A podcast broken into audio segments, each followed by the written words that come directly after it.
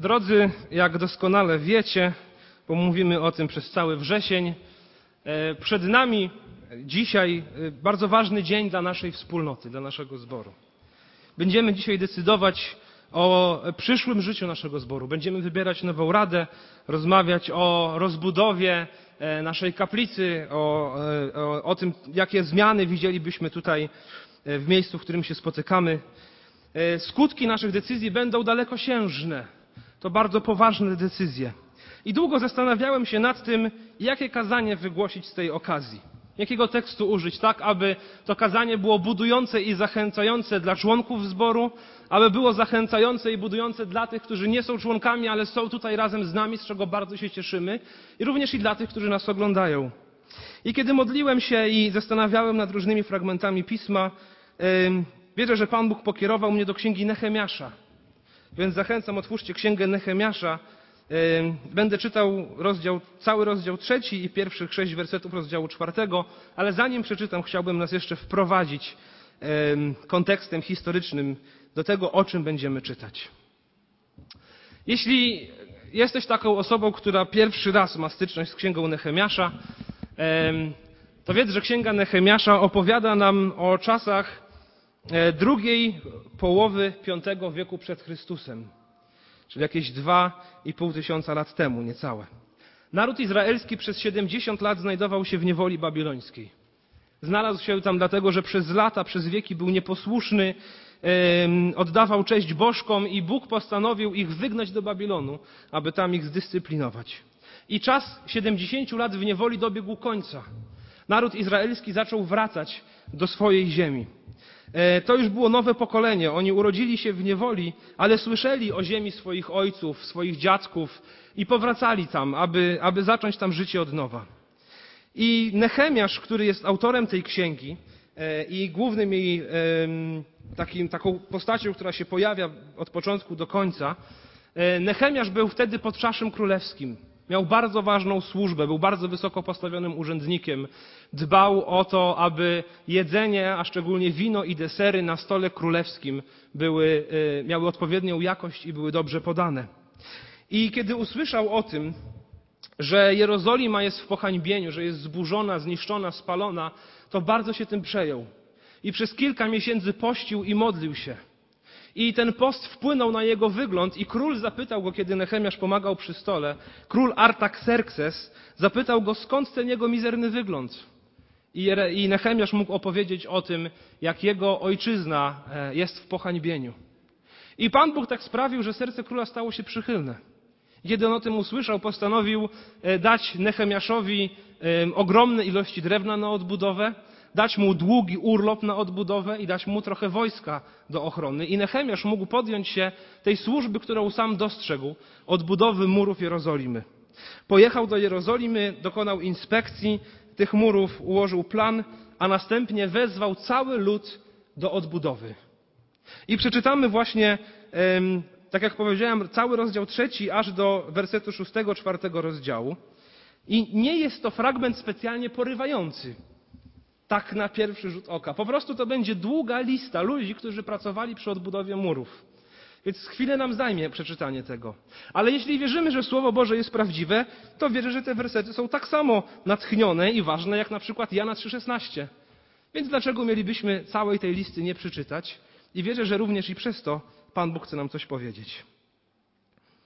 Więc Księga Nehemiasza, rozdział trzeci, od pierwszego wersa, o tym jak lud cały wziął się do odbudowy murów. Zabrał się więc arcykapłan Eliaszib wraz ze swoimi braćmi kapłanami do odbudowy bramy owczej. Poświęcili ją, wstawiwszy w niej wrota, prowadzili budowę aż do baszty Stu i aż do baszty Hananela i poświęcili ją. Obok nich budowali mężowie z Jericha, obok zaś budował Zakur, syn Imriego.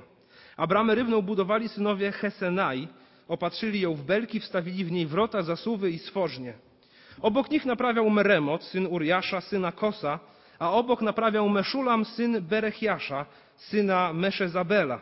Obok naprawiał Sadok, syn Bany. Obok nich naprawiali mieszkańcy Tekoa, lecz przedniejsi z nich nie zgięli swego karku do służby dla panów. Bramę staromiejską naprawiali Jojada, syn Paseacha i Meszulam, syn Besodiasza. Oni ją też opatrzyli w belki, wstawili w niej wrota, zasuwy i stworznie. Obok nich naprawiał Melatiasz Gibeończyk i Jadon Merenotyta oraz mieszkańcy Gibeonu i Mispy podlegli namiestnikowi Zarzecza.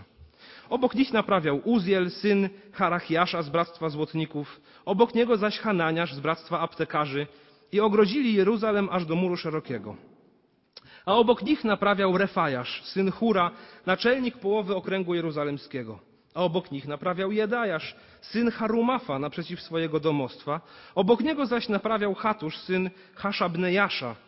Następny odcinek z basztą pieców naprawiał Malkiasz, syn Harima i Haszub, syn Pachat Moaba. Obok niego naprawiał Szalum, syn Haleoszecha, Haleochesza, naczelnik drugiej połowy okręgu jeruzalemskiego wraz ze swoimi córkami. Bramę nad doliną naprawiał Hanun i mieszkańcy Zanoach. Oni ją odbudowali, wstawili w niej wrota, zasuwy i stworznie i wznieśli tysiąc łokci muru, aż do bramy śmietniska. Bramę śmietnisk naprawiał Malkiasz, syn Rehaba, naczelnik okręgu Bet Hakerem. On ją odbudował, wstawił w niej wrota, zasuwy i stworznie. Bramę źródlaną naprawiał Szallum, syn Kolchozego, naczelnik okręgu Mispy. On ją odbudował, nakrył dachem, wstawił w niej wrota, zasuwy i stworznie oraz wzniósł mur przy stawie wodociągowym przy ogrodzie królewskim, aż do schodów wiodących z miasta Dawida w dół.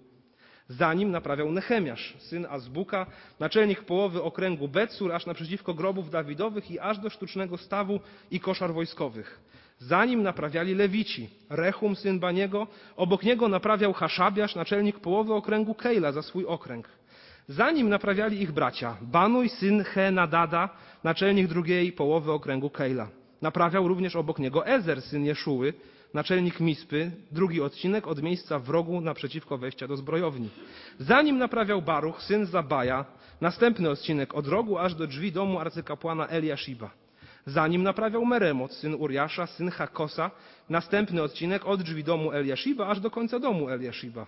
Za nim naprawiali kapłani mieszkający, mieszkańcy Doliny Nadjordańskiej. Za nim naprawiali Beniamin i Haszub naprzeciw swojego domostwa i dalej naprawiał Azariasz, syn Masejasza, syna Ananiasza obok swojego domostwa.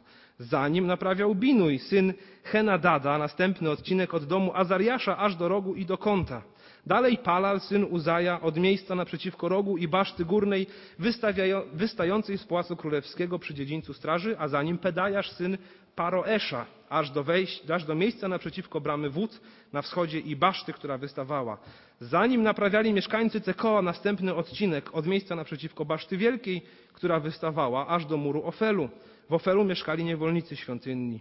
Od bramy końskiej wzwyż naprawiali kapłani, każdy naprzeciwko swego domostwa. Za nimi naprawiali Sadok, syn Imera, naprzeciw swojego domostwa, a za nim naprawiał Szemajasz, syn Szechaniasza, odźwierny bramy wschodniej. Za nim naprawiał Hananiasz, syn Szelamiasza i Hanun, szósty syn Salafa, odcinek następny. Za nim naprawiał Meszulam, syn Berechiasza, naprzeciw swojego pomieszczenia. Za nim naprawiał Malkiasz z Bractwa Złotników, aż do domu niewolników świątynnych i kupców, naprzeciwko bramy strażniczej i aż do narożnego balkonu. Miejsce między narożnym balkonem a bramą owczą naprawiali złotnicy i kupcy.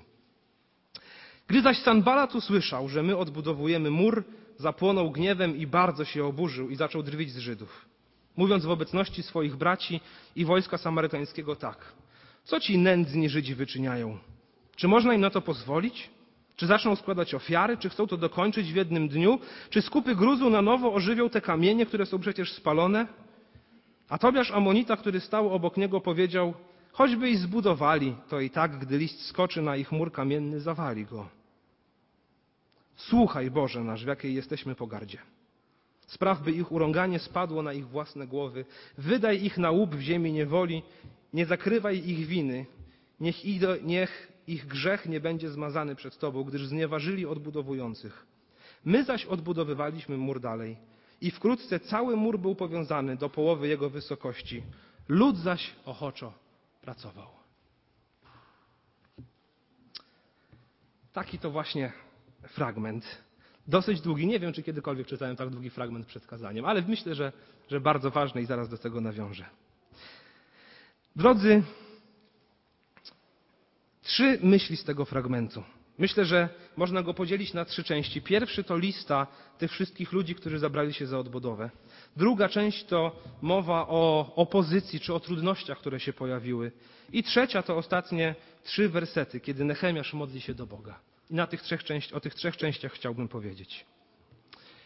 Jesteśmy Kościołem. Jako zbór jesteśmy Kościołem. Naród izraelski myślę, że był zapowiedzią Kościoła. Kościół składa się dzisiaj z Żydów, składa się z Pogan, z Polaków, z Ukraińców, z Niemców, Włochów, Amerykanów itd., itd., itd. Każdy, kto uwierzy Jezusowi Chrystusowi, przyjdzie do Niego, staje się Jego dzieckiem, jest częścią ludu Bożego. I apostoł Paweł w liście do Koryntian pisze o tym, że wszystko, co spotkało Izraelitów, wszystko to, co jest opisane w Starym Przymierzu, spotkało ich między innymi po to, by było to pouczeniem dla nas. Więc wierzę, że również i ten fragment jest pouczeniem dla nas. Pierwsze, co widzę w tym fragmencie, to to, że cały lud włączył się do pracy przy odbudowie murów. Zobaczcie, kto tam się nam pojawiał. Od samego początku w wersecie pierwszym mamy arcykapłana i kapłanów, którzy podejrzewam, że nigdy wcześniej nie murowali.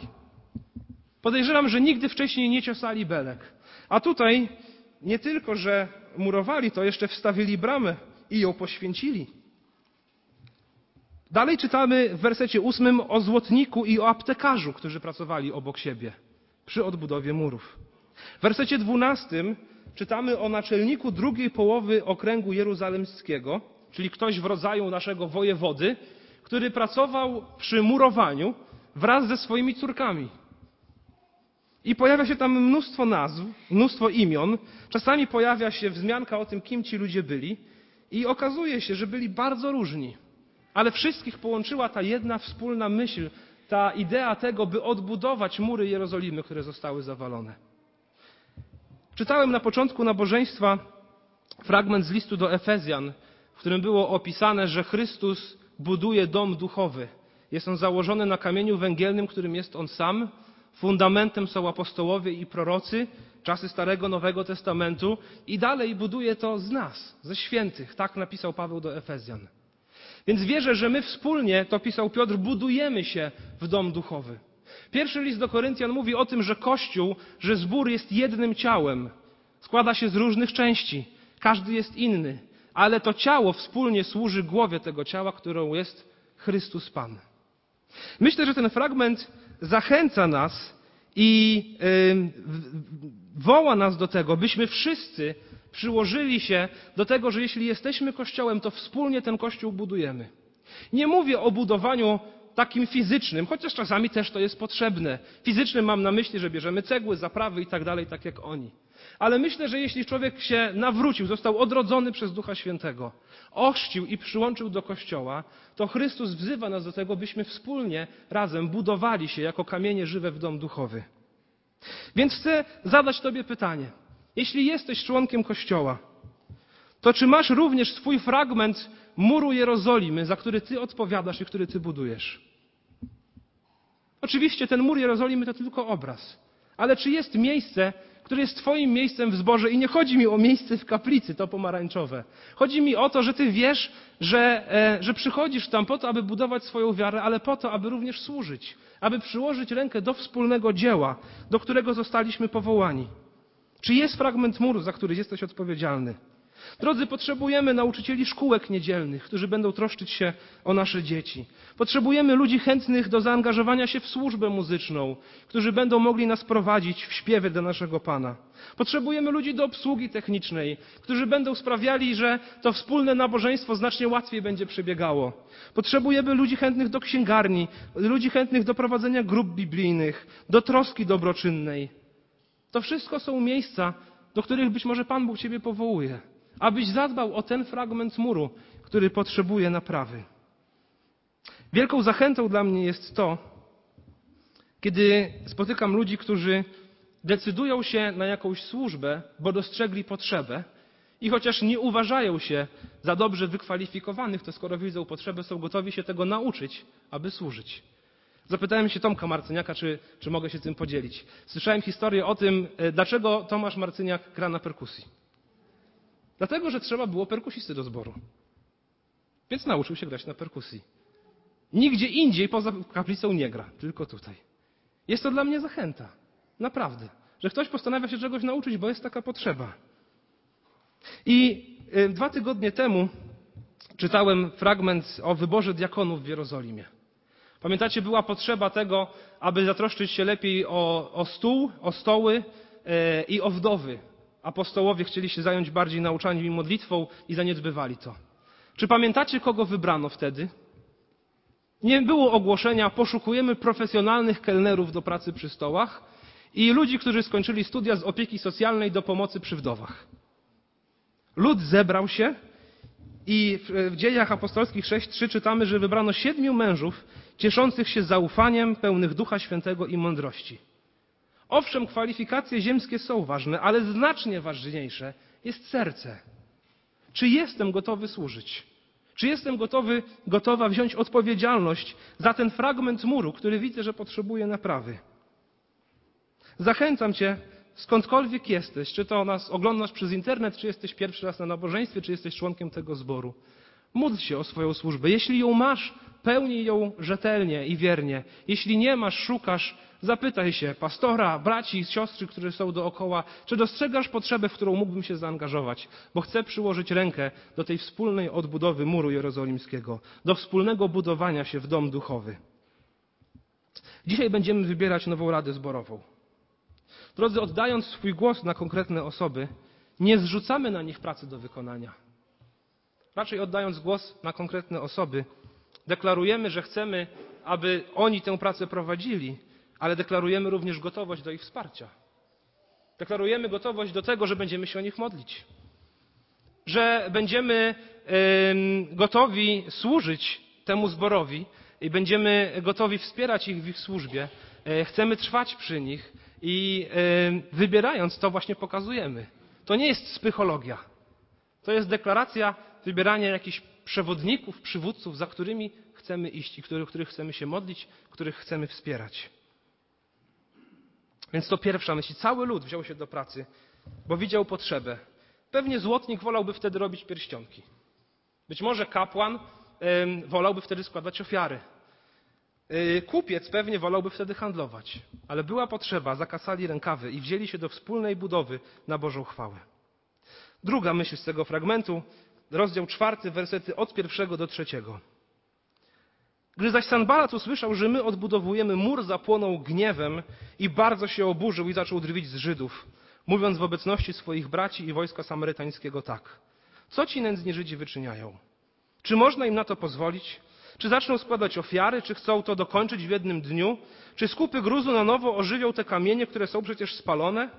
A Tobiasz Amonita, który stał obok niego, powiedział, choćby ich zbudowali, to i tak, gdy lis skoczy na ich mur kamienny, zawali go. Pojawia się, pojawiają się wrogowie, pojawiają się trudności, trudności z zewnątrz. Zawsze, gdy robi się coś dobrego, zawsze pojawiają się trudności. Zawsze, gdy Boży lud staje razem, aby coś wspólnie zrobić, zawsze pojawiają się trudności. Sanbalat był, pochodził z Samarii. On y, i jego lud nie został wygnany. Oni byli na tym miejscu przez 70 lat, kiedy Żydzi byli w Babilonie. Im się spodobała ta ziemia. Oni czuli się jak u siebie. Nie podobało im się, że wracają pierwotni mieszkańcy. Do tego był Tobiasz Amonita, czyli on był w ogóle poganinem z, e, z, e, z narodu Amonitów. I oni zaczęli przeszkadzać. Tutaj na razie to są tylko drwiny i wyszydzanie ich. Ale gdybyśmy czytali dalej, to zobaczymy, jak oni uknuli spisek na życie Nehemiasza i chcieli go zabić. Jak pisali listy do króla Artaxerxesa, który wysłał Nehemiasza do odbudowy i pisali paszkwile, aby król przyjechał, bo oni chcą się, bo rzekomo Izrael chce się zbuntować, więc żeby powstrzymał tę odbudowę. Zawsze, kiedy zabieramy się za coś dobrego, zawsze pojawiały się trudności. I Jezus to obiecał swoim uczniom. Jana 15, 18, 20. Jeśli świat was nienawidzi, wiedzcie, że mnie wpierw niż was znienawidził. Gdybyście byli ze świata, świat miłowałby to, co jest Jego. Że jednak ze świata nie jesteście, ale ja was wybrałem ze świata, dlatego was świat nienawidzi. Wspomnijcie na słowo, które do was powiedziałem. Nie jest sługa większy nad Pana swego. Jeśli mnie prześladowali, i was prześladować będą. Jezus obiecuje swoim uczniom, że jeśli pójdą za Nim, mają spodziewać się trudności. I dobry ewangelista, gdy głosi Ewangelię, gdy wzywa do pójścia za Jezusem, to nie mówi tylko o wiecznej chwale. Nie mówi tylko o nagrodzie, o koronie dla zwycięzców, którzy dobiegną do końca. Dobry ewangelista mówi też o koszcie, jaki jest do poniesienia. Mówi o tym, że ci, którzy idą za Jezusem, mogą spodziewać się obśmiania. Mówi o działaniach diabelskich. Mówi o przeszkodach, o próbach, o pokusach, o wykluczeniu, być może o rodzinie, która się odwróci. To są koszty pójścia za Jezusem. Jezus to obiecuje wszystkim, którzy za nim pójdą. Łukasza 9:23 Jeśli kto chce pójść za mną, niechaj się zaprze samego siebie i bierze krzyż swój na siebie codziennie i naśladuje mnie. Oto koszt pójścia za Jezusem. Jeśli jeszcze za nim nie poszedłeś, a chciałbyś, musisz go rozważyć. Nagroda jest wspaniała i chwalebna. Nagrodą jest wieniec żywota. Nagrodą jest wejście do Królestwa Niebios, tam już takiego fizycznego. Ale to życie tutaj Jezus nigdy nie obiecywał, że będzie łatwe. I tak jest zawsze z działaniami ludzi wierzących. Gdy Noe budował arkę na środku pustyni, wszyscy się z niego śmiali. Gdy Mojżesz miał wyprowadzić Izraela z Egiptu, ówczesny, najpotężniejszy człowiek na ziemi, faraon, robił co mógłby ich zatrzymać. A cała podróż po pustyni usiana była wieloma innymi trudnościami. Zanim Dawid został królem, musiał uciekać przed Saulem. Udawał obłąkanego, chował się po jaskiniach, a później, gdy był już e, królem, jego syn własny go ścigał i Dawid ponownie musiał uciekać. Eliasz, niesamowity Boży prorok, chował się w górach i uciekał przed Achabem. Nawet był na utrzymaniu pewnej wdowy, poganki, która go karmiła. Pierwszy kościół przeżywał ogromne prześladowania. Ogromne. Na początku pierwszych kilka lat byli razem, ale później byli niesamowicie prześladowani i musieli się rozpierzchnąć po całym basenie Morza Śródziemnego. Gdyby iść dalej przez historię Kościoła, czytalibyśmy o tym, że Boży lud, kiedy robi coś dobrego, zawsze spotyka się z trudnościami. Patrząc na nasz zbór, było podobnie. Przed wojną, przed II wojną światową, nasz zbór liczył około 150 członków.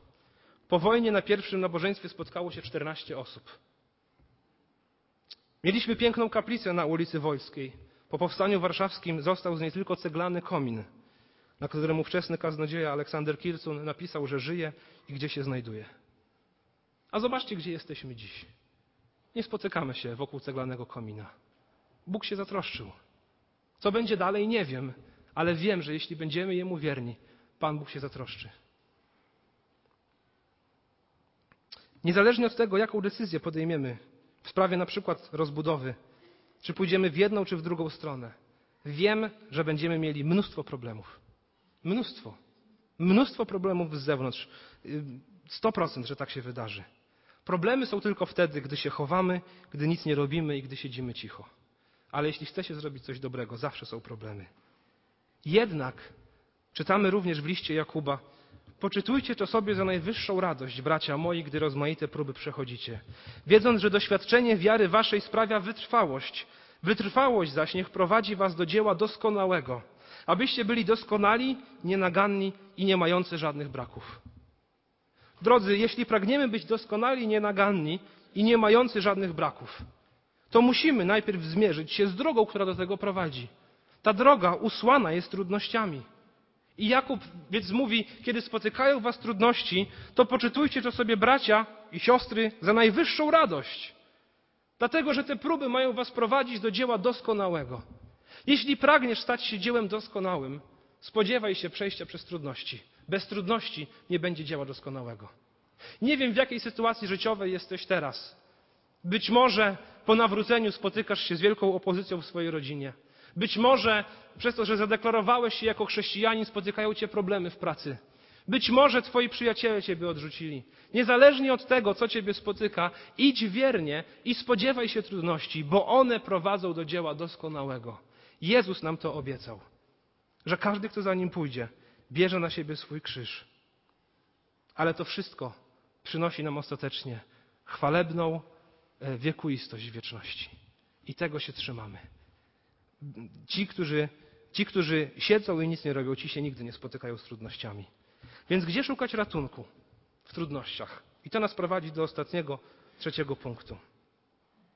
Jak zareagował Nehemiasz wobec tej opozycji z zewnątrz, która się pojawiła, ludzi, którzy chcieli im przeszkodzić? Czy Nehemiasz mówi, my wam jeszcze pokażemy, co my osiągniemy? Ach, my weźmiemy miecze i najedziemy tych Samarytan, jest nas więcej. Nehemiasz mówi, mnie tu wysłał król, ja napiszę do króla i on się z wami rozliczy. Mam dobre plecy na mieście, załatwi mi. Nie.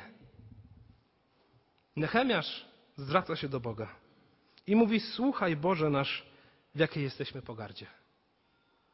Słuchaj, Boże nasz, w jakiej jesteśmy pogardzie.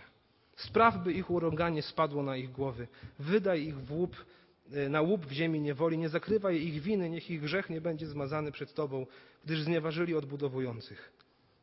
Nehemiasz się modli. Jaki jest tego efekt? My zaś odbudowywaliśmy mur dalej i wkrótce cały mur był powiązany do połowy jego wysokości. Lud zaś ochoczo pracował. Nehemiasz wiedział, że Bóg się zatroszczy.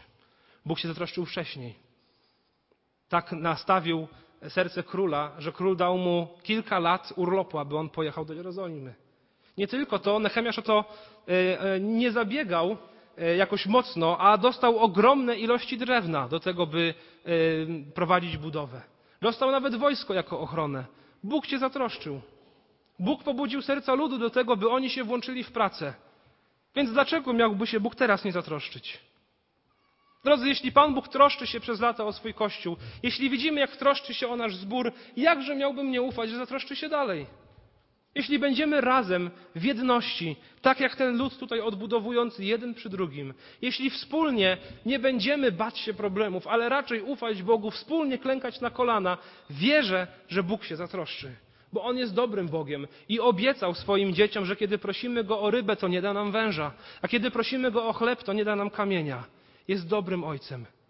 Jeśli będziemy Jemu posłuszni, wierni Ewangelii, wspólnie stali razem w modlitwie, Bóg się zawsze zatroszczy, bo On szuka właśnie takiego serca.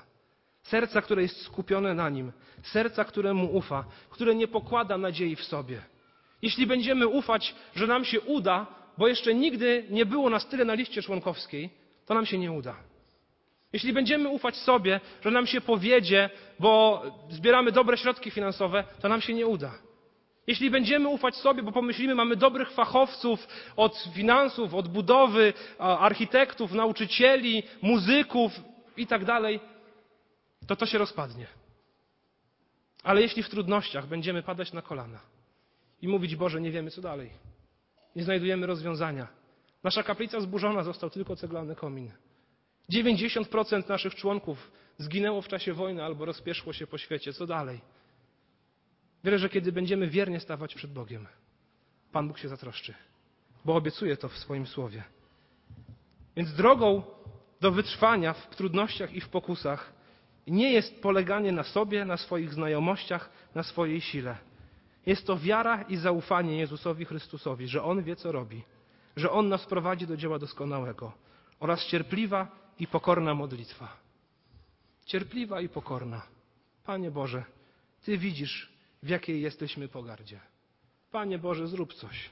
Panie Boże, zadziałaj. Ufamy Tobie. Ty zaopatrujesz. Więc drodzy, nasze problemy i przechodzenie przez trudności nie są obce Bogu. Nie są obce Bogu. Nasz Bóg nie jest Bogiem, który siedzi gdzieś zakryty za chmurami na wielkim tronie i szuka, jak tutaj kogo ukarać. To nie jest nasz Bóg. Nasz Bóg przyszedł na świat Syn Boży przyszedł na świat i żył w ludzkim ciele. I mierzył się z niezrozumieniem, mierzył się z ciągłą krytyką faryzeuszów i uczonych w piśmie, którzy chcieli go przyłapać na każdym błędzie. Jego uczniowie go często nie rozumieli, zostawiali w najważniejszych chwilach. Jego przyjaciel go zdradził. Został Jezus niesprawiedliwie osądzony. Przez 40 dni pościł na pustyni i był kuszony przez szatana. On zna nasze problemy. Bóg zna nasze problemy, On wie, przez co przechodzimy, gdy zmagamy się z trudnościami. I nie jest nam obcy, jest nam bardzo bliski. Więc gdy modlimy się do Boga, to modlimy się przez Jezusa Chrystusa, tego, który przeszedł przez to wszystko, przez co my przechodzimy. List do Hebrajczyków 4, 14, 16 mówi: Mając więc wielkiego arcykapłana, który przeszedł przez niebiosa, Jezusa, Syna Bożego, trzymajmy się mocno wyznania. Nie mamy bowiem arcykapłana, który by nie mógł współczuć ze słabościami naszymi, lecz doświadczonego we wszystkim, podobnie jak my z wyjątkiem grzechu. Przystąpmy tedy z ufną odwagą do tronu łaski, abyśmy dostąpili miłosierdzia i znaleźli łaskę ku pomocy w stosownej porze. Więc odpowiedzią na nasze trudności, na nasze cierpienia nie jest wezwanie samego siebie, weź się w garść. Nie jest szukanie sobie jakichś tam kontaktów. Jest zaufanie do Boga, a On wie, przez co przechodzimy, bo Jezus Chrystus przez to wszystko przeszedł i współczuje nam w naszych słabościach. To największa zachęta do wytrwania. Podsumowując, drodzy, będąc w zborze, zaangażowani w służbę, bądźmy razem, w jedności, stojący obok siebie, ramię w ramię, każdy odpowiedzialny za swój fragment muru, pracujący ku Bożej chwale, dla Bożej chwały. To, co otrzymaliśmy, chcemy przekazać dalej kolejnym pokoleniom. Nie wiem, jak długo ten świat będzie istniał, ale marzy mi się, że tak długo, jak będzie istniał ten świat, aby istniał ten zbór. Jaka jest do tego droga? Ta droga jest bardzo trudna. Będzie to droga i zawsze to jest droga przez boleści i trudności. Jezus o tym powiedział. Ale nasze ukojenie znajdujemy w Chrystusie. Ufamy Bogu, razem się modlimy, razem pościmy, razem budujemy dla Jego chwały. To On buduje swój Kościół, a w swojej łasce, jako najwspanialszy budowniczy, chce posługiwać się nami niedoskonałymi narzędziami. Dlaczego Bóg chce się posługiwać takim niedoskonałym młotkiem, jakim jestem ja? Nie wiem, ale, ale niech wbija gwoździe, ile tylko potrzeba. Dlaczego chce się posługiwać może czasami, nie wiem, tępą piłą, jaką jestem ja? Nie wiem. Ale On buduje swój Kościół, a ja chcę być Jemu posłuszny. Ufam Jemu i we wszystkich trudnościach chcę przychodzić do Niego. Więc drodzy, nie wiem, co przed nami, ale wiem, że jeśli będziemy razem, w jedności, ufający Bogu, głoszący Jego Ewangelię, modlący się wspólnie, to wiem, że będzie dobrze. Nawet jeśli będą wojny, zarazy, krachy gospodarcze, a może zupełna normalność i czasy obfitości, to wiem, że jeśli będziemy Jemu wierni, On nas doprowadzi do końca. Tego się trzymajmy, bo mamy wielkiego arcykapłana, który przeszedł przez niebiosa i może współczuć ze słabościami naszymi, doświadczony we wszystkim jak my, podobnie jak my z wyjątkiem grzechu.